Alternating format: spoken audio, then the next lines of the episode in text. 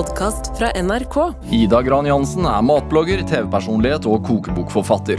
Hun er opprinnelig utdanna dyrepleier og økonom, men skifta karrierevei etter at hun i 2013 vant reality-programmet Hele Norge baker.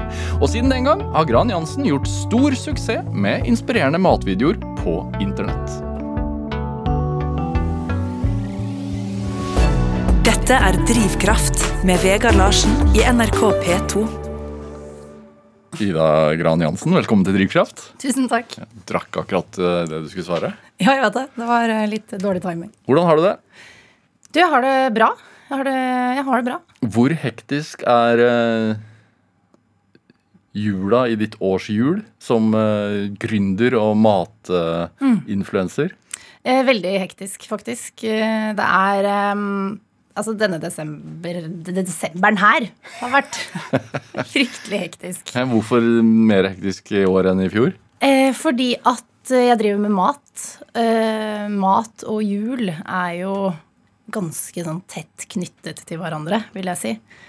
Eh, så det er eh, I forhold til annonseringer så er det veldig mange som ønsker innhold, og alle ønsker i starten av desember, eller første halvdel av desember. Hva kan det være? Åh, det kan være marsipan, det kan være sjokolade, det kan være Kenwood, det kan være Altså, det kan være mye forskjellig. Smør. Ja. Så, så da er det jo på en måte å få lagd alt det innholdet. Eh, samtidig så skal jo det vanlige innholdet, som ikke er annonseinnhold, også lages. eh, Hva, hva, hva er eh, Hvordan er modellen da? Er det to annonser altså fire vanlige Eller hvordan funker det? Jeg har ikke noe sånn altså, Det som har vært viktig for meg hele veien, eh, det er jo å ha annonseinnhold som er veldig naturlig. Som er da eh, produkter jeg uansett ville brukt. Og hvis du er en profil som kjører den linjen, så tror jeg du kan ha mer annonsering enn hvis jeg for så vidt skulle Eller hvis jeg skulle plutselig reklamert for uh, Colgate eller Cola eller en sjampo. Skjønner du hva jeg mener? Fordi at uh, de annonseringene jeg har, er jo produkter som jeg bruker i matlagingen. Så det går veldig sånn naturlig inn. Eh, og det er produkter jeg uansett ville brukt. Så jeg tror at jeg faktisk, eller min profil, kan tåle litt mer enn kanskje en annen profil. Ja, er Instagram hovedinntektskilden? sånn, ja. ja. For jeg sjekka ut eh, Instagrammen din i dag uh, før du kom hit, og da har du postet noen videoer. Eller sånn stories. eh, og blant annet sånn 'Nå skal jeg snart på Drivkraft'. Det var hyggelig at du sa, forresten. Men, men også så skrev du Eller så sa du også 'Men før det så skal jeg dra og handle ribbe'. Ja. Sånn ni, ni, ni om morgenen. Det er jo for å prøve å presse inn altså tidsklemma, da. Ja. Eh, Så er det sånn, ok, Hva kan jeg rekke nå før jeg skal hit? Jo, jeg kan dra og kjøpe ribbe, for da vet jeg at når jeg kommer hjem etterpå, så kan jeg begynne å preppe ribben. ikke sant? For alt skal jo filmes og dokumenteres og tjo hei. Eh, Så må den ligge til i morgen, og så kan jeg fortsette på den i morgen. Så det er litt sånn ja, ja du skulle ha to. Jeg skal ha to, for jeg skal prøve to forskjellige typer oppskrifter. Ja, hva slags ribbe ble det? Det ble en, eh, en vanlig tynnribbe, men fra økologisk utegris. Og siden jeg nå snakker til masse folk, så tenker jeg at man kan tenke litt ekstra på hvor, eh, altså hvordan dyrene har hatt det. Mm. Og hvis eh, du får tak i en eh, gris da, som har fått lov til å gå ute, så er jo det helt nydelig. Smaker man forskjell, tror du?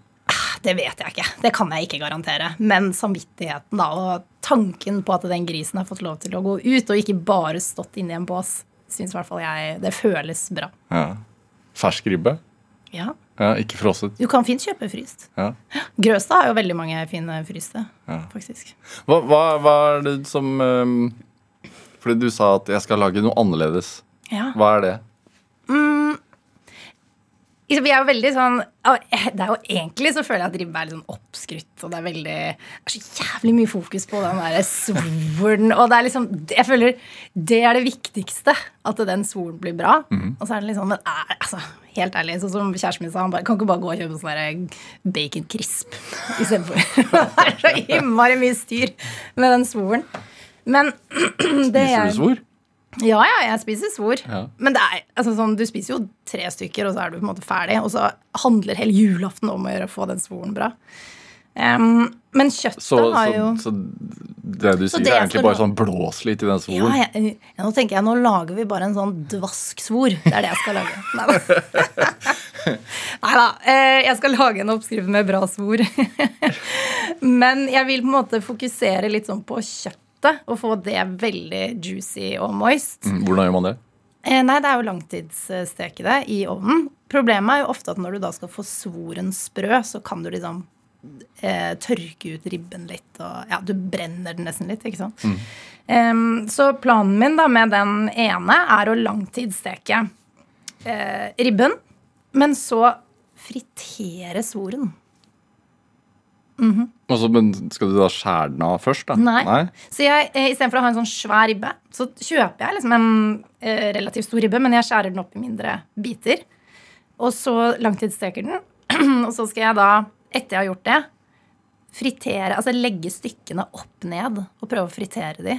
Fordi da skal de bli liksom helt sinnssykt bra. Samtidig som da kjøttet allerede er bra. Så det er planen med liksom den ene delen. Den andre skal jeg um, eh, prøve litt sånn forskjellige varianter på. Teste ut. Hva? Jeg ble nysgjerrig. Jeg ble nysgjerrig. Eh, Jeg skal prøve å bruke Jeg skal jo salte den for å liksom få ut, altså få den tørr. Og så er jeg keen på å prøve å bruke eddik. er også et liksom triks man kan bruke. eh, For å få den også veldig sprø. Og stikke masse, masse hull i svoren. For at de liksom skal boble opp. Altså, jeg vet jo ikke om dette her funker helt ennå. Jeg har bare gjort mye research, og så tenker jeg jeg må bare prøve noe nytt. Ja, sånn som det, da. Det jo, blir jo da eh, en slags føljetong det da på siden din. En hva? Føljetong, altså en, en eh, altså at du Ja. legger ut flere historier, og sånn blir det, og sånn blir det ikke. Det, det kan bli Ja. innhold for, en, for to dager. Eh, ja, eller det blir på en måte én video til slutt. Ja. Eh, men jeg, da, ikke sant, da, eh, sånn som etterpå så går jeg hjem og så prepper jeg det. Så da filmer jeg det jo, og så legger jeg sikkert noe ut på Story. Men selve liksom sluttvideoen blir én video. For det er litt mye hvis jeg skal liksom først ta en video på prepping, og så Så jeg på en måte prøver å putte alt i i én reel, da. Hvor mye tid bruker du på å komme opp på ideen? Jeg, jeg er relativt rask på nye ideer. Ehm, Jeg har jo ekstremt mye Jeg tror jeg har 3000 videoer eller noe sånt ute. Så det er, jo, det er jo mye. Mm. Så det føler jeg at Jeg, jeg føler ikke heller at jeg funner opp liksom kruttet på nytt. Det er jo, eh, men, men at det er mer sånn ok, den smakskombinasjonen er digg, eller ok, jeg vet at en ostekake for eksempel er godt, da. Jeg vet at karamell er godt. Ok, la oss bare slenge de sammen. Altså, ja. Så jeg tror jo kanskje ikke at jeg hadde drevet med hvis ikke jeg hadde klart å finne opp eh, nye oppskrifter eller nye ideer eller Nei, hvor mange snakker vi om i, i løpet av en måned? Nei, sånn som nå har jeg jo lagt ut noe nytt hver dag, da. Eh, Siste måneden sikkert. Ja. Så det er jo én oppskrift om dagen. og da lager jeg det på forhånd, da. Så det er jo ikke sånn at jeg står den dagen og lager det. Nei. Eh, Jeg har sånne produksjonsdager hvor jeg lager opp. Og så eh, skal jo Ikke sant, men det som er som jeg syns er litt sånn fascinerende eh, med når du jobber med Instagram og sosiale medier, er at du blir jo, du blir jo både liksom en kreativ leder, på en måte. Eh, og så blir du jo prosjektleder, og så blir du den som skal filme, så fotograf. Og så skal du bli klipper, og så skal du voice, og så skal du bli altså, tekste. Så det er liksom Det er helt sjukt mye du skal lære deg for å legge ut én sånn video. Eh, Men også veldig praktisk at du selv kan det. Fordi hvis ikke så måtte du jo satt alt vekk. Og det hadde jo både tatt tid og kostet enormt mye penger. Hvor glad er du i å ha kontroll? Veldig. jeg er veldig glad i å ha kontroll. Mm. Ja, jeg syns det er vanskelig å eh, Jeg kan slite litt med å stole på at andre gjør eh, en så bra jobb jeg ønsker at de skal gjøre. Dette er Drivkraft med Vegard Larsen i NRK P2. Og I dag er eh, matblogger og, kokebokforfatter Ida Gran Jansen her hos meg i Drivkraft på NRK P2. Si matblogger, er det, føler du at det er riktig nå? Eh, jeg, tror, jeg føler man har gått litt vekk fra blogger. Man er jo på en måte en influenser, en påvirker. Ja. Eh, det er jo det jeg prøver på. Ja. Å inspirere. Oi, hva gjør du med all den maten? Nei, eh, ja, Det spørsmålet får jeg veldig mye. av. og det som er, ikke sant, Først så starta jeg jo med bare å lage kaker og bakst, og sånn, for det var på en måte det jeg ble kjent for. Em, og så bestemte jeg meg for Men det er jo helt sinnssykt å lage det så ofte. Uh, så mange ganger i uken. For det er ikke sånn at du du lager en kake, og så skal du sitte og spise den resten av dagen. på en måte. Så da bestemte jeg meg for å gå over til å lage også mat, og det har jeg gjort i mange år nå. Så jeg lager jo absolutt mest typ, altså middager og eh, altså mat, mer mat, da. Og det spiser vi jo til eh, eh, middag, eller eh, fryser ned hvis jeg har lagd en svær suppe, f.eks. Altså sånne ting, da. Så det er ikke noe problem. Eh, problemet, det er jo ikke et problem heller, men eh, er jo eh, hvis f.eks. nå i julen, da, så skal jeg lage opp masse innhold på ikke sant, julebakst og kaker og desserter og To ribber i morgen, f.eks. to ribber i morgen. Men de er, de er ikke så store. Eh, Men mer enn jeg satt, Forrige uke så satt vi vel med en eh, svær ostekake, og eh, Eirik og jeg lagde et annonsesamarbeid altså sammen. Altså mannen din. Mannen min, ja. Ja, han var Eh, også mat... han, han Han, er også matinfluenser ved ja, siden av. ja. ja. tur og mat, liksom. Og liksom, han er jo funny, så han spiller en del på humor òg. Men så da lagde vi jo tolv boller hver, eller altså, skjønner, Da var det sånn Ok, hva gjør vi nå? Da eh, pleier Eirik eh, å ringe en kompis eller et eller annet sånt og si hei, vi har eh, mat. Og så setter han det ut, og så kommer det folk og henter. Du setter det ut. Ja, da satte vi det bare ut. Vi hadde ikke tid til å liksom overvinne. Vi bare satte det ut. Og så kom det eh, venner av da og forsynte seg. Ja. Eh, Ostegangen tok jeg med til barnehagen, så at de ansatte fikk noe til lunsjen. Så det er litt sånn, Og så er det mye som fryses ned, da. Mm. Men det, mm, det Altså, folk er jo ikke vonde å be når du ringer og sier 'hei, jeg har en kake, er du keen?' Nei. Og de er sånn 'nei, gud, kan vi ta Nei, jeg kan ikke ta hele den. Jo, du gjør meg en tjeneste ved at du tar den med deg. Ja. Altså, sånn helt ærlig. Her produseres Vær det. så god. Her produseres det. Ja. Hvordan er en vanlig dag, da?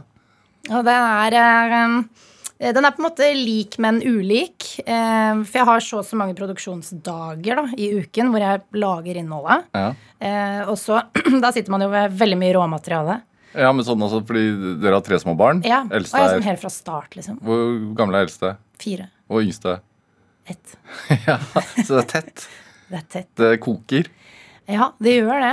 Ja. Det gjør det. Men det er liksom Det går, hvis du skjønner.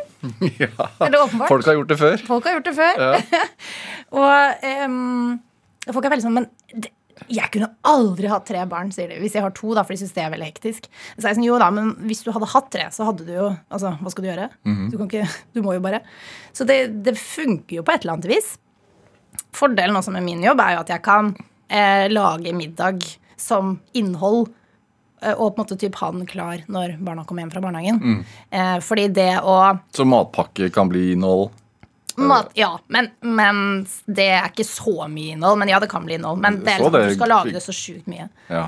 Men ja, jeg prøver jo å lage eh, Du kan jo i hvert fall lage på story av veldig mye, ja. Det kan du. Um, og det går mye matpakker. Det er jo En dag i uken så lager vi jo seks matpakker. Men det vi har begynt med nå, som faktisk er ganske nice, det er at vi tar annenhver uke. Vi liksom later som at vi er skilt. Typ annenhver uke. og det er kjempelurt. Men da, da tar Les oss denne uken her, da, så har jeg alle morgener. Det er biproduktet av å ha tre barn. Ja. sånn. Skill deg.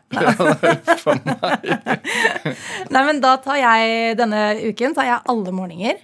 Eh, og da skal jeg det fra klokken seks på morgenen. Så da er det jeg som har ansvaret for alle tre. Da kan han, eh, Eirik, da, egentlig eh, dra klokken seks om morgenen hvis han vil. Eller sove, eller whatever han har lyst til. Jeg skal ta barna. Eh, og det er det å kle på de og få de mat og få de i barnehagen og så her, levere de. Eh, og så har han da kveldene. Og natten fram til seks på morgenen. Ja. Og så bytter vi. Og fordi at da forsvinner en del av Og eh, den som også tar morgenen, skal også lage matpakker. For hvis du har litt sånn faste ting, så har du på en måte ikke den derre Jeg forventer at han skal hjelpe til med noe, eller han forventer at jeg skal stå Altså sånn Det er veldig sånn klart og tydelig hvem som har ansvaret. Men er det litt sånn altså, Men blir dere også da sånn at Nei, dette er din uke? Ja, litt Ja, ja. Vi må jo vi må ha litt harde linjer. Eh, Men forrige uke så lagde jeg to matpakkedager for han. For jeg tenkte sånn Ja, ja, En kveld var han veldig sliten, så kom jeg hjem og så, sånn, jeg så at han ikke hadde lagd det. Så lagde jeg det. Så jeg sånn, det var hyggelig av meg. Ja. Da får jeg pluss i boken. ikke sant? Fikk han høre det, da? Ja, da sa jeg du, så du at jeg hadde lagd den? Men han gjorde jo åpenbart det. Han ble jævlig glad. Men, men eh, eh, Og så vidt jeg har forstått, i hvert fall å lese og, og, det, dette med det hjemmelagde barnemat-greia, hysteriet, som Ja. pågikk, der meldte jo du deg på. Ja. Det gjorde jeg, altså. Ja. Og mente at eh, ja, lag hjemmelag. Ja, ja, ja. Selvfølgelig. Jeg tenker jo at det er jo helt øh, Jeg syns jo at det er veldig rart at det ikke skal være greit. At man skal At liksom hjemmelaget skal eh, ikke skal være bra nok. Som den ene diskusjonen gikk ut på, da. Ehm, hjemmelaget er Det skal jo ikke være noe vanskeligere eh, eller ta mye tid. Det er jo på en måte hele min tanke bak det, spesielt i babymat. Altså, du lager opp Jeg har en video på Instagram. Jeg lager 20 middager til en baby på 30 minutter. Altså, det, da kan du ikke si at det tar veldig lang tid. Men hvorfor opplever noen det som provoserende?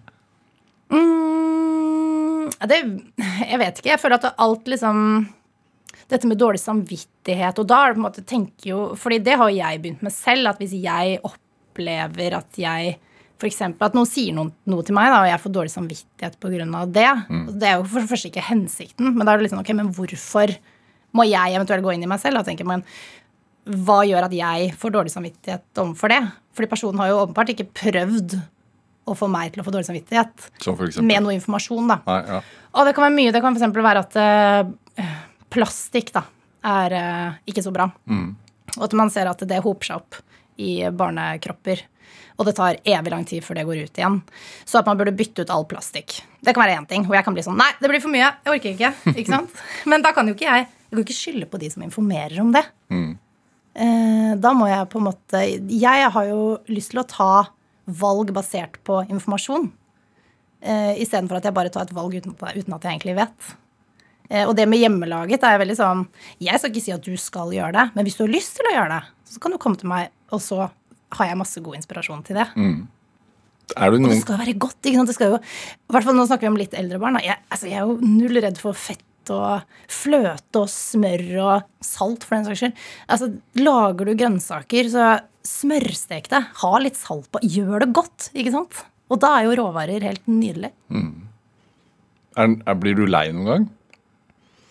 Um, ja, altså det går jo opp og ned. Og jeg kan jo bli lei av å liksom lage vanlig middag. um, men, um, men det går liksom Det er ikke sånn at jeg bare legger meg ned og sier nå gidder jeg ikke mer. Eh, da får jeg bare finne på bare noe annet. Sånn som jeg det var en periode her hvor jeg hadde hatt kjempemasse en periode. Jeg var midt oppi den grøtdebatten og sånn. Da tok jeg en For da hadde jeg levert inn alt. Jeg har skrevet en ny kokebok. Så da leverte jeg inn Lur alt. mat? Lur familiemat, ja. Mm. Som er liksom om å gjøre å få i barn mer frukt og grønt, men på en smart måte, da. Eh, altså, den er helt genial. Lur familiemat, dere. Kan kjøpe signert utgave. Eh, men da hadde jeg levert inn alt eh, materiale til den. Og, da, og det er liksom typisk meg, for da tenker jeg sånn, ok, nå skal jeg liksom ta livet litt med ro. Men det klarer jeg ikke. Så da begynte jeg å lage en sånn eh, innebygd eh, hylle. Eh, sånn svær bokhylle som jeg begynte å snekre på. sånn. Så da holdt jeg med det. Og, da, og jeg kan bli litt sånn manisk på ting. At jeg må bli ferdig, og at jeg må få det bra. Eh, og da er Eirik sånn Jeg får ikke kontakt med deg, nesten. Altså sånn, Jeg blir, jeg blir så fokusert eh, på den tingen. Eh, så da drev jeg med det en uke, og det var veldig deilig. Eh, å bare droppe liksom mat i en uke. Holde på med den bokhyllen. Og så kan vi gå tilbake igjen. Ja, Men det blir også innhold. Ja, klart det blir innhold. og du blir jo litt sånn skadet av det, det man driver med. Fordi man, man tenker jo hele tiden hva, Ja. hva kan du lage innhold av? Men vi er, altså, angående barnemat og babymat og sånn, for vi er jo Vi er jo som foreldre nå veldig opptatt av at ja, vi skal øh, passe på barna våre, og, og vi syr jo litt puter under armene på de. Eh, er det noen som hevder, i hvert fall. Eh, men den derre lage barnemat fra bunnen av provoserer likevel. Og så bare sånn Å, jeg skal gjøre det i tillegg? Hvorfor tror du at den matlagingsbiten har så lett for å kunne kuttes? Um, nei, altså, det handler jo mye om prioritering. Eh, og sikkert fordi man får tak i så mye sånn lettvinte løsninger da, i butikken. Mm. Eh, jeg syns det har blitt altfor for mye av det. Altså sånn, Vi spiser jo Ultraprosessert, som ja, det har vært en debatt om. ja, vi spiser jo masse ultraprosessert. Eh, og så tenker jeg i hvert fall med tanke på barn, så er det jo vi som foreldre som har liksom 100% ansvar da, for hva barna spiser. Eh, og det syns jeg er veldig viktig, å ta det ansvaret. Eh, og det er jo vi som liksom former deres matvaner. Eh, og vi overfører jo våre egne matvaner over på barna. Og jeg tror det er 9% av fireåringer spiser en frukt og grønt som er anbefalt. Det er jo veldig, veldig lite. Eh, så jeg syns jo nesten det er rart at det ikke er mer, enda mer fokus på å få i barn det de burde spise. Eh, og selvfølgelig, det er jo ikke, ikke sant? Det er veldig sånn, Mange tror jo at det, siden man er fokusert på det, så får de sånn stakkars barna, da får de ikke sukker, eller får de ikke kaker, ikke lørdagsgodt. Og det er jo ikke sant i det hele tatt. I hvert fall ikke i mitt tilfelle. Hvis du ser min Instagram, så ser du jo at det ikke stemmer. Um, men det er liksom at i det store og det hele så er det, um, i hvert fall hos oss, da, så er det liksom typ eh, råvarebasert, men også ferdigprodukter. Men da velger jeg ferdigprodukter av eh, høy, god kvalitet med mye råvareinnhold. Um, og så er det jo lørdagsgodt på lørdager og kaker i bursdager og er det wienerpølse i bursdager. Selvfølgelig, det er ikke noe stress sånn sett, men at det liksom, i det store og det hele da, så er vi veldig opptatt av å få i barna eh, god næring. Ja. Har, du, har du merket det selv, også på de ti årene som du har eh, vært hele Norges baker? Eh, Har du merket at endringen, altså synet vårt på sukker har endret seg? Um, jeg føler at synet vårt på sukker har vel alltid vært der, er mitt inntrykk. Em, og eh, man skal jo ikke spise masse sukker, selvfølgelig. Uh, men at man gjør det innimellom, er jo ikke et problem. Det er jo når hele kostholdet blir bearbeidet mat eh, og mye sukker og lite frukt, grønt, belgfrukt, linser. Ja. Så det er jo det jeg ønsket å gjøre noe med, da. I, gjennom både Instagram, men også i den nye boken. Hvor, hvor sunne er kakene dine? Nei, de er ikke sunne. jeg er jo også der, ikke sant. Det er jo det som er at eh, eh, Og som jeg prøver hele tiden å si, at det er liksom den gylne middelveien. Da. At du eh, i hverdagen lag hjemmelaget råvarebasert, men at du skal bake boller på en søndag. Gjør det. Har du bakt syv slag? Nei, overhodet ikke. det driver jeg faktisk ikke med. jeg gjør ikke det. Altså, det er um, eh, Jeg lager kanskje en variant av noen ikke? av de. Nei. Ah, Nei. Syns du Går du og kjøper liksom syv slag? Kanskje? Nå får jeg mange syvslagsentusiaster på nakken. Nei, men jeg tenker det er så mye Hva er- andre hva er galt med syvslag? Ikke noe galt med syvslag. Vet du det er ikke noe galt, men det er jo, jeg syns det er litt kjedelig. Hva er kjedelig. De syv slag er litt sånn er litt tørt og litt Altså, jeg vil heller lage Hva, hva er det, og hva er det kjedeligste, kjedeligste, kjedeligste slaget? Og, og jeg vet hva, jeg, kan, jeg tror ikke jeg kan alle engang, jeg. vet, kan, husker du hva de heter? Goro, kanskje. Ja. Jeg vet en som heter Goro. Fattigmann. Fattigmann. Eh, Serinakaker, er det ja, en av de? mm. Ja, sirupsnipper. Eh, altså Krumkaker. eh, krumkaker. Strull er faktisk veldig, strull er veldig godt. Strull er noe som farmor eh, Jeg har farmors gamle strulloppskrift. Eh, det er liksom lagd på kremfløte. Det er supergodt. Eh, nei, eh, altså pepperkaker lager jeg jo eh, lager jeg jo. Eh, og eh, vaniljekaker, som er jo på en måte en litt sånn Serina-kakeoppskrift. Altså, de syv slag, det er jo, de ligner jo veldig, bare litt sånn ulik form og litt ulik. Jeg føler at det er så mange andre ting som er så mye bedre. Kokostopper? Nei, hva heter Er det en av de? det? Nå, jeg kommer til å få kjeft. Jeg òg. Ja. Kommer til å få kjempekjeft, jeg som driver med dette. Men hva lager du i stedet, da? Nei, eh, ikke sant? I stedet tenker jeg fudge. Kjempegodt. Karameller. Fudge? Hva, Fudge. hva er det? er på en måte som karameller, bare at det er mye mer um, De er ikke så seige. Det er liksom Hvordan lager man det? Da koker du opp eh, fløte, sukker, smør. Eh, så må du ha litt grann salt i. Og så kokes dette her til den blir sånn ish 117 grader. Eller du ser det på fargen. Jeg har en ny fudge liggende ute, faktisk. Det er bare 700 et eller annet tusen views. Det er veldig mange. Um, og så uh, pisker du det til den blir liksom litt stivere. Heller det opp i en form, og så lar du det stivne. Og så skjærer du sånne ja, Poenget er at vanlige karameller blir jo mye mer seige. Og du kan ikke ha de hver for Eller sånn, de klistrer seg inn i hverandre og sånn. Det gjør ikke fudge. Det er superdigg. Og så lager du masse forskjellig pepperkakegjærbakst. Ja. Har jeg Ja. sett. ja. Pepperkakesnurrer. Ja. Altså, gjærbakst er jo fantastisk. Det er superdigg. Så tenk sånn, mm, ok, hvorfor ikke putte pepperkaker, altså smaken, da, inn i fyllet til vanlig gjærbakst? ja. Så det gjør jeg. Hva har man i stedet da? Eller i tillegg? I Nei, da har du jo liksom de typiske sånn pepperkakekrydder. Altså nellik og kardemomme og kanel og ingefær og Ja. I fyllet. Ja. Mm, med smør og sukker og alt det gode. Hva, så, sånn som på innholdet ditt eh, når du lager Når du baker. Mm. Hva er det som treffer mest? Altså, Ja. hvilke, hva, hva er suksessen? Altså, det er jo ehm, Det er ikke alltid jeg vet Eller jeg vet som regel Noen ganger vet jeg det. Uh, noen ganger så kan det være helt bingo. Ting jeg tror tre skal treffe veldig bra, treffer ikke. Som Uh, nei, som Nei, Nå kommer jeg ikke på noe, et eksempel sånn på stående fot. Men, uh, men ting som jeg vet ganske godt treffer, kan jo være en sjokoladekake, for eksempel. Sjokoladekake med en veldig sånn eh, deilig sjokoladekrem. Det treffer som regel alltid. Eh, ostekake med en karamell. Jeg har jo 1,1 millioner views. Ja. Det er jo bra. Eh, så det er eh, De som ofte treffer best, er de med, som er liksom mest sånn food porn, som man kaller det. Ja. Rennende karamell og sjokolade og søtt og salt og den biten der.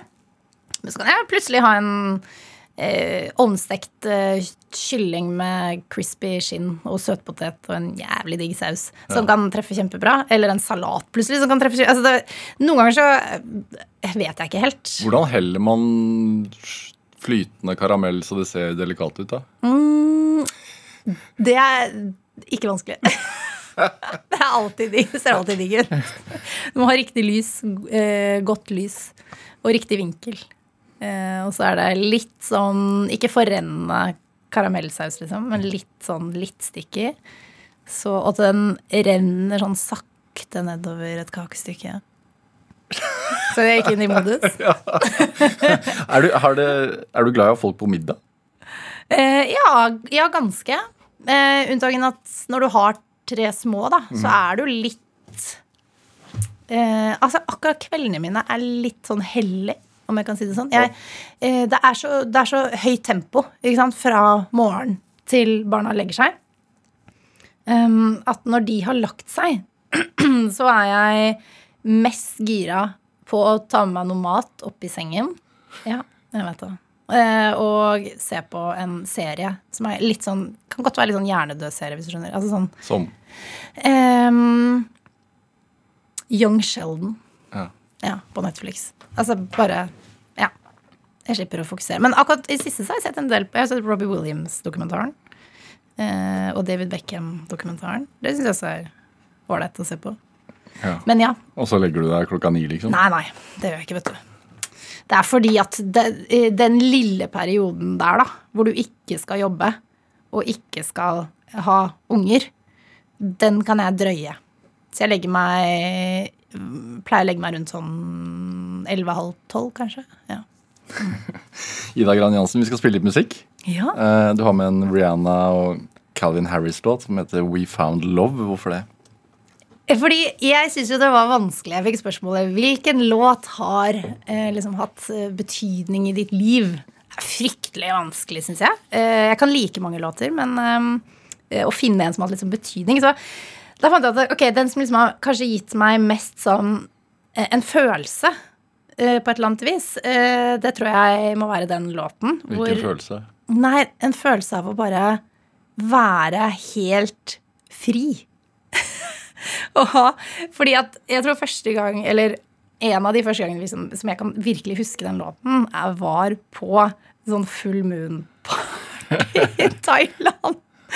Hvor det bare Du har Jeg hadde typ ingen bekymringer. Eh, det, det, var bare gøy, og vi skulle være sant, tre måneder ute og reise eh, med Jeg vet ikke, det var bare Du står liksom midt blant masse folk på en strand, og det er varmt, og det er deilig, og du er ung, og eh, Jeg vet ikke. Bare den følelsen av å være helt Ja, bare sånn fri og deilig. Ja. Mm.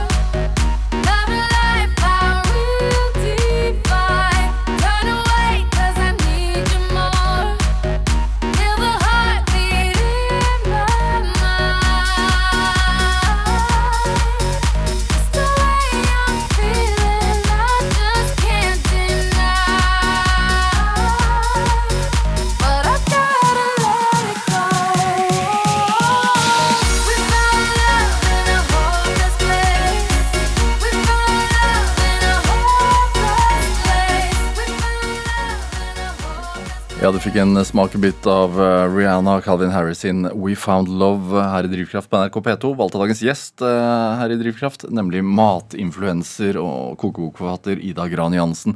Dette her, Vi prøvde å regne oss fram til når du var på fullmoon-party i Thailand. men du, du må ha vært i sånn 2011 eller 2012. Den låta kom ut i 2011. Ja. Og du sa det var før eh, Hele Norge baker, som var, Ja, vært som var i ja. 2013. Eh, hva visste du om det programmet? Oi, vet du hva, jeg visste ingenting. Det var, det var første sesong. Det hadde jo ikke vært før. I Norge, nei? nei. Er i Norge, ja. Ja, stort i Storbritannia. Sånn Ja. Great British Bake Off. Ja. ja, aldri sett på det i det hele tatt. og jeg drev jo ikke noe Jeg drev jo ingenting i forhold til Altså, jeg hadde ikke noe blogg eller noe Jeg var i Hvem var du da? Det jeg var Hvem var jeg? Ja, vet du hva, jeg føler at jeg litt var sånn Jeg begynte å studere dyrepleier og jobbet som det i et par år. Hva gjør man da? Da er du Det blir litt som sånn sykepleier, om jeg skal si det enkelt. da Sykepleier. Eh, bare dyr, da. Ja. Eh, men det er ikke noe Jeg følte at jeg måtte gjøre noe mer. Jeg hadde et kall. Nei da. Eh, men da er det veldig sånn det, det er det du er, og du kan, det er ikke noen klatremuligheter. Det er liksom Det er det du jobber med. Et kjempefint yrke. Jeg bare følte at jeg måtte Jeg måtte noe mer. Så da tenkte jeg, hva kan jeg studere for å liksom virkelig åpne horisonten og få masse muligheter? Og da ble det økonomi. Jeg syns det er dritkjedelig. ikke sant? Jeg, altså, jeg syns det er så kjedelig. Men jeg tenkte dette bare gjør jeg. Eh, Du er fra Oslo vest, altså da er du det, det ligger litt i kortene at økonomi kan man fint studere. Det kan man, Ja, jeg var veldig innafor. Ja. Det var det. Dyrepleier var litt mer sånn Ja, er du sikker på det, far? Og, er du sikker på at du skal det? Men ehm, eh, Og så studerte jeg, studerte jeg jo det. Eh, og gjorde jo eh, for så vidt eh, bra. Det var vel første gangen um, utenom liksom dyrepleierstudiet. Men jeg har ald- aldri liksom vært noe interessert i Altså på videregående. Jeg syntes det var kjedelig å gå på skolen. Og, jeg synes det var gøy med det sosiale, men det var sånn øh, ja. Eh, mens når jeg da plutselig studerte igjen som litt eldre, så var det sånn Å ja, shit, da kan jeg faktisk matte for første gang i mitt liv. Så akkurat det var jo litt gøy. Eh, og så ble jeg med på Hele Norge baker. Eller en venninne av meg under studiene sendte meg en link til Hele Norge baker og var sånn Hei, kan ikke du melde deg på dette? Så var jeg sånn, ja, ok, jeg kan jo Det var litt sånn Hvorfor jo tenkte hun at du ville egne deg, da? Eh, Fordi jeg er nok den som Hvis det var bursdager eller et eller annet, så var jeg den som gjerne hadde med kake. Men det var ikke noe mer enn det. Så jeg vet ikke helt. Men det var litt sånn ja, jeg kan bare sende inn en søknad. Og så tenkte jeg ikke så mye mer over det. Eh, før de ringte. Og så tror jeg først så hadde vi en eller annen telefonsamtale, eller noe sånt, og så møtte jeg opp eh, på et intervju. Eh, og så hadde vi en sånn prøvebakingdag hvor de liksom filmet, sikkert for å se hvordan man også funket på kamera. Og så var jeg jo med, da.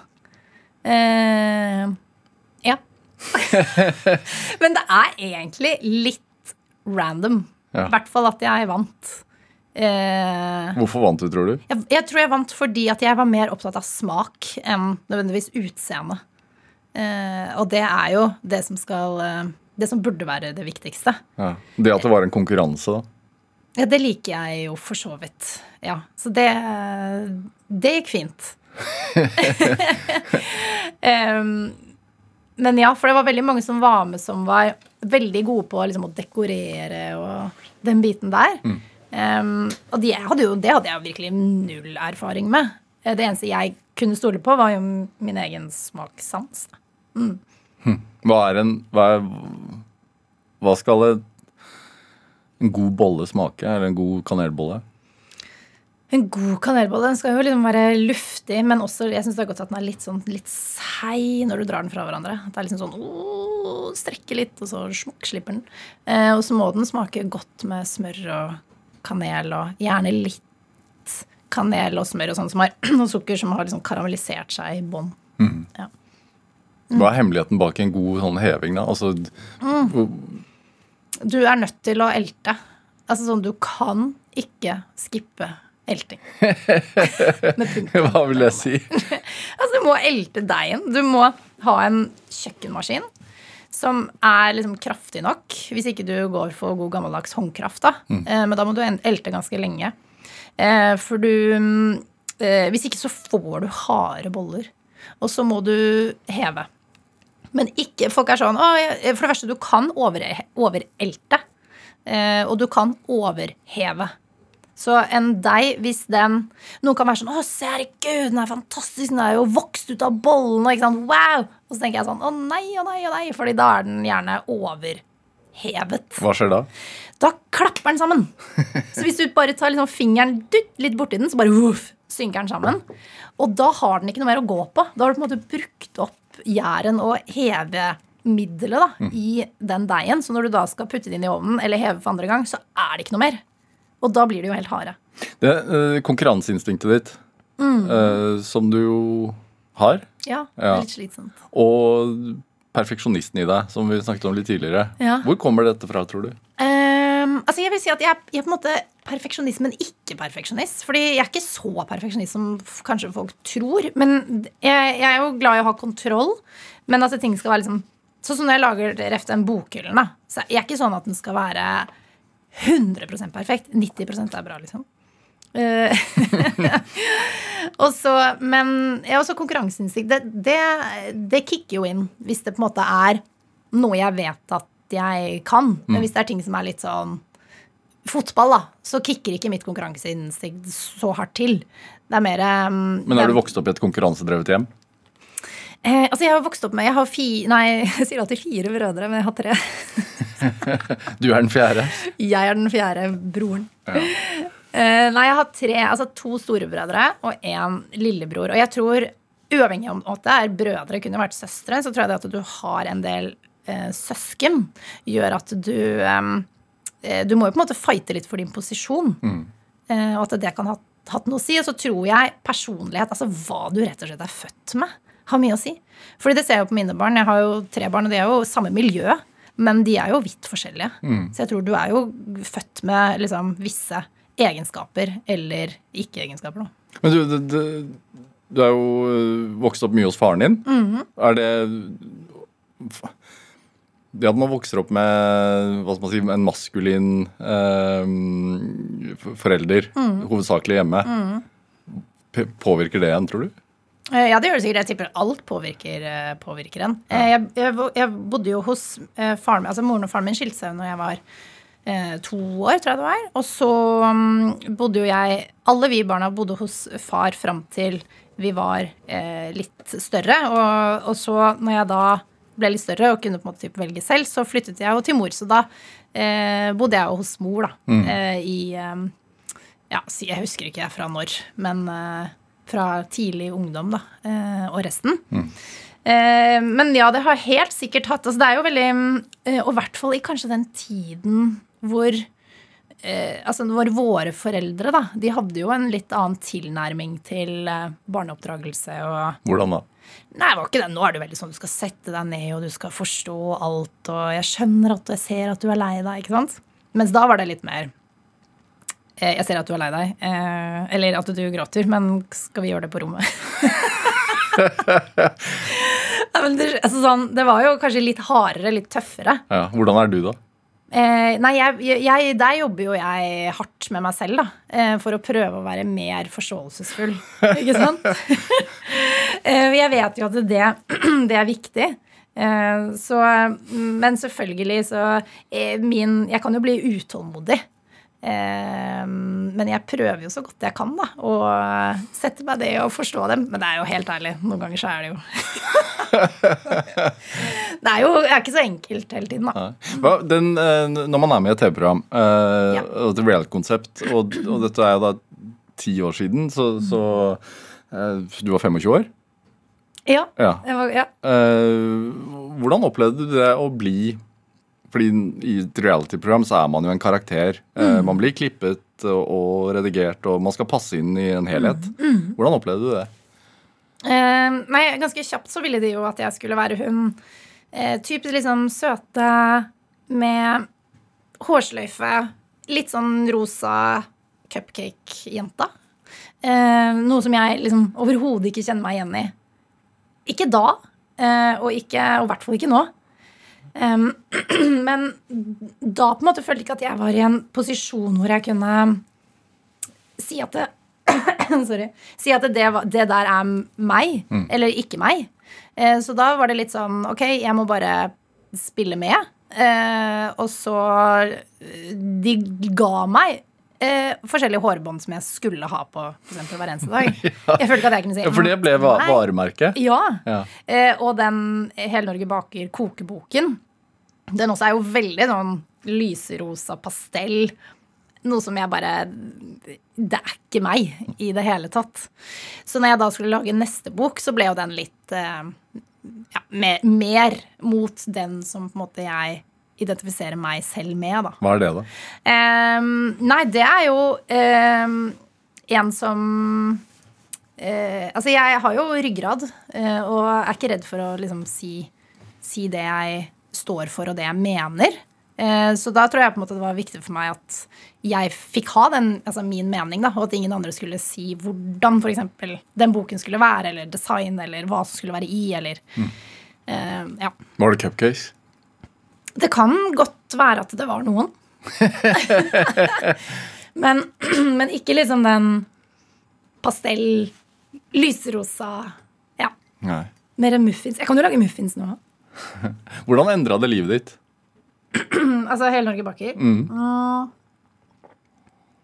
Det har jo eh, totalt endret livet. Det har det jo. Fordi det var jo litt sånn en, altså Hadde jeg ikke vært med på det, så hadde, jeg vet jo helt ærlig ikke hva jeg hadde gjort.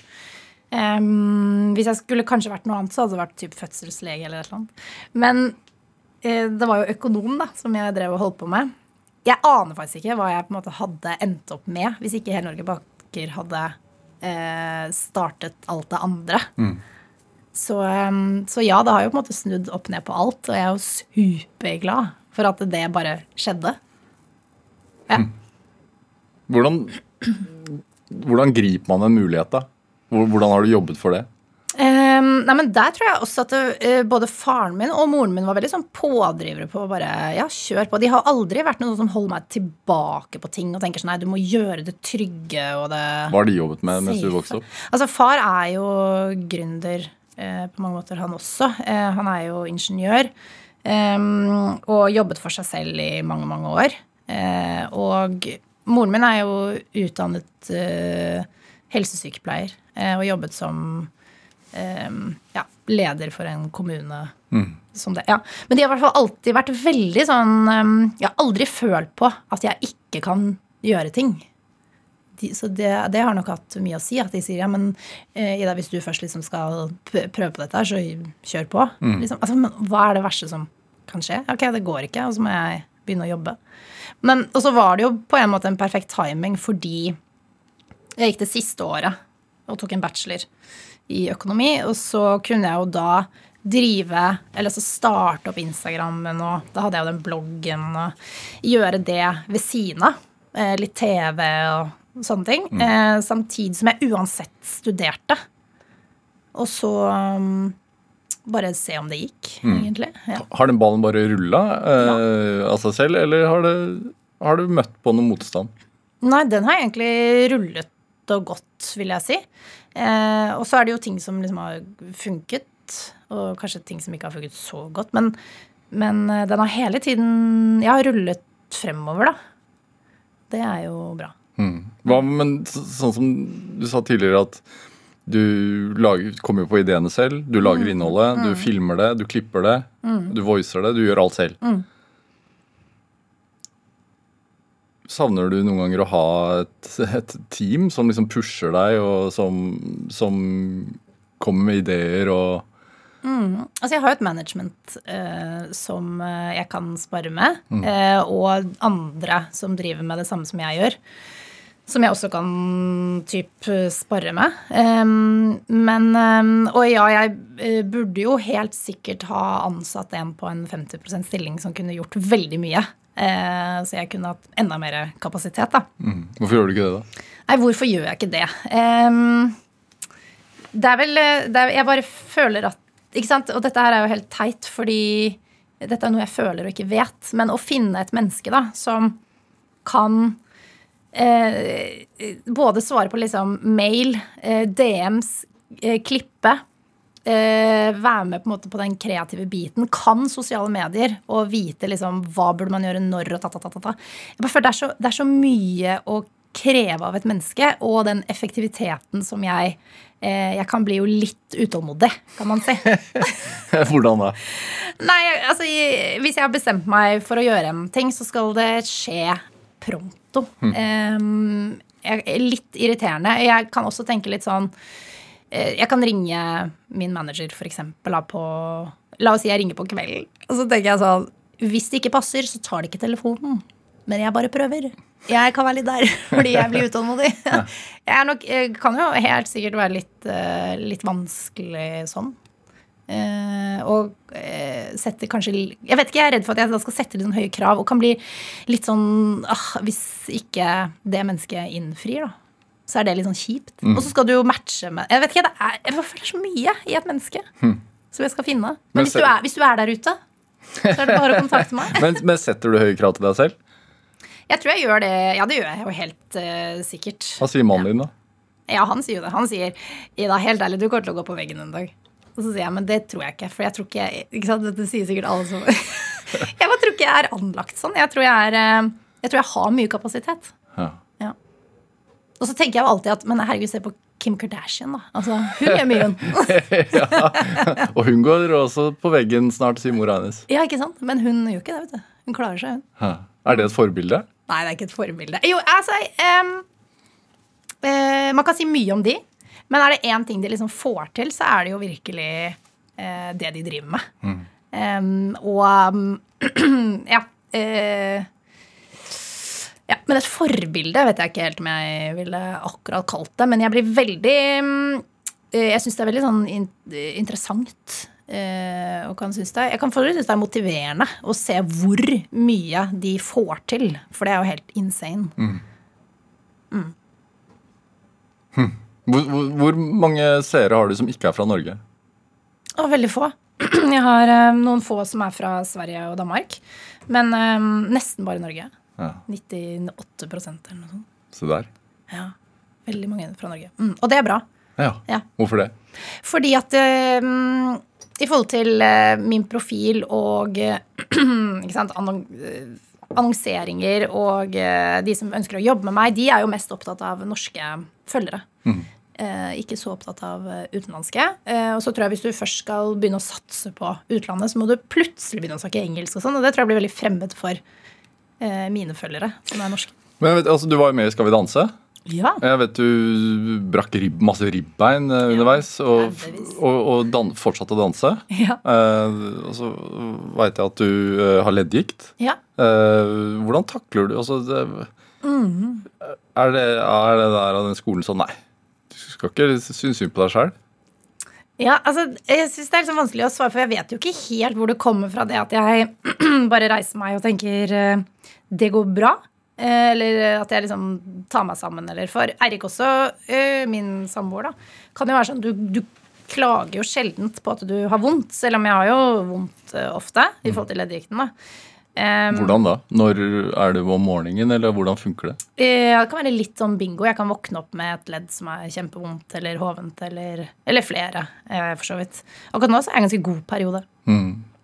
Eh, Men, men det er jo ikke sånn at jeg Jeg kan ta et eksempel. er jo typ i går kveld Jeg har ganske vondt bak, bak på foten. Og så begynner en av barna å gråte. Eh, liksom tre ganger etter hverandre. Eh, og så går jeg opp to ganger. Men jeg syns det er ganske vondt å gå ned trappen. Eh, dette er bare noe jeg kom på nå. Eh, og så spør jeg tredje gangen Erik, kan du ta den. Eh, og så sier han nei. Eh, eller jeg, han sitter og jobber. Eh, og så er han kan du please. Og, så, og da sier jo ikke jeg til han ja, men det er fordi at jeg, jeg syns det er litt dritt å gå ned trappen igjen. Hvis du skjønner. Ja, da bare gjør jeg det. Eh, fordi hvis ikke så legger Jeg vet ikke, jeg føler at hvis jeg skal hele tiden si sånne ting, så legger jeg også mye fokus på en drittsykdom. Og at den får liksom ikke lov til å ta så mye fokus. Ja. Så det er vel en eller annen sånn mekanisme, da. Som, ja. Og de ribbeina, det var jo Det var, det var jo vondt.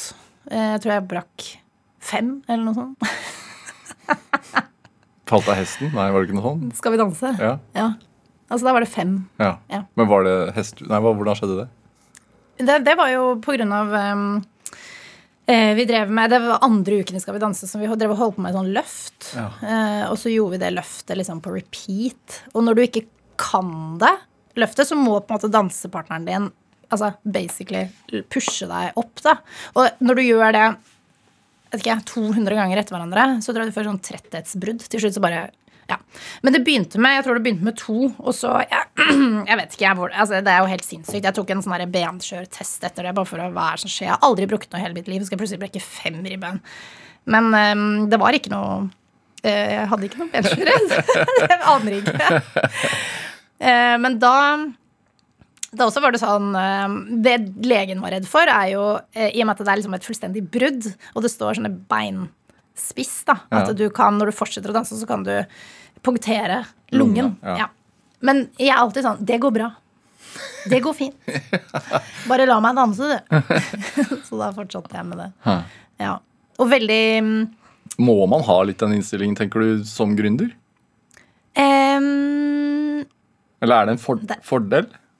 Kanskje det at du ikke gir deg så lett. da At du på en måte må reise deg opp igjen og fortsette. At du ikke mm, Ja. ja at man nettopp det at du ikke gir deg. At eh, du tenker at eh, det rister vi av oss, og så fortsetter vi. Mm. Hva er målet? da? Målet er å bygge et hus. Det har du. Jeg har et hus, men jeg har så innmari lyst til å bygge et hus. Så nå er det liksom mitt nye Nå jobber jeg mot det målet, da. Mm.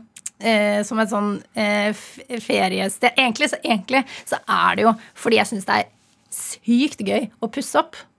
Og så har jeg alltid drømt om å bygge et hus. Ikke alltid, men de siste årene har jeg drømt om å bygge et hus. Og da, nå har jeg en sånn, ikke baby fever, men sånn byggehusfever. hus-fever. Som er helt sånn intens. Hvorfor er det så, virker det så, så gøy? Jeg, jeg, jeg aner faktisk ikke. Eh, men det å kunne få det huset liksom akkurat som man vil, eh, med et gigakjøkken og høyt under taket og Altså, det er super grand. Det er det jeg ser for meg. og så har jeg vel innsett at um, å gjøre det i Oslo blir vanskelig. Uh, fordi den tomten må jo være ganske stor, uh, i og med at jeg skal ha et så stort hus. Um, Så da er planen å bare uh, gjøre dette her i middle of nowhere. Og ha det som en liksom sånn hytte, men så du også kan leie ut. Men at det er et hus, da. Ja. Ja, det, det kommer til å skje, kjenner jeg det rett. ja. Ja. Hva skal man ja, Tiden går fra oss, Ida Gran Jansen. Men, men, men hvis man skal bake én ting til jul, hva skal man bake? Eh, hvis du skal bake én ting til jul, så kanskje eh, enten karameller eller den ostekaken med karamell er liksom sykt digg. Ostekake med karamell. Ja. Den er veldig god. Og ekstremt enkel. Altså sånn, den er, det er sånn no bake cheesecake. Ja, hvordan gjør man det?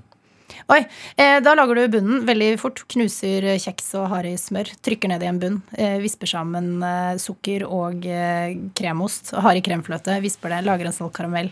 Stivner alt. Putter over. Ta-ta. Ferdig. Og gi bort til barnehagen. Hva er drivkraften Ja, drivkraften ikke til barna, da. De voksne. Hva er, hva er drivkraften din oppi det hele? Jeg tror eh, inspirasjon er på en måte min største drivkraft. At jeg eh, syns det er veldig gøy eh, å inspirere andre. Um, og så har det jo blitt mer og mer liksom å prøve å um, inspirere andre til å lage hjemmelaget, mer råvarebasert til barna. Og bli mer liksom, fokusert på hva vi putter i de. Hva inspirerer deg? da? Um, hva inspirerer meg? Å, ikke spør om det. Nei, det, det kan være liksom så mye. Jeg vet ikke. Jeg bare føler at jeg har kanskje en sånn indre inspirasjon til å eh, fortsette å pushe. Ida Gran Jansen, tusen takk for at du kom til Drivkraft. Tusen takk for meg. Hør flere samtaler i Drivkraft på nrk.no eller i appen NRK Radio. Send oss ris eller ros, eh, også tips til mennesker som du mener har drivkraft. Send en e-post til drivkraft.krøllalfa nrk.no. Vi hører veldig gjerne fra deg. Produsent i dag det var Ådne Feiring, mens Mari Marit Trosterud gjorde research til denne sendingen. Dette var Drivkraft. Jeg heter Vegard Larsen. Vi høres. Du har hørt en podkast fra NRK. Hør alle episodene kun i appen NRK Radio. En podkast fra NRK. Denne historien handler om pianisten og komponisten Maria Kandegård. Om musikken hennes, om livet hennes og om hjernen hennes. Plutselig så skjedde det et eller annet.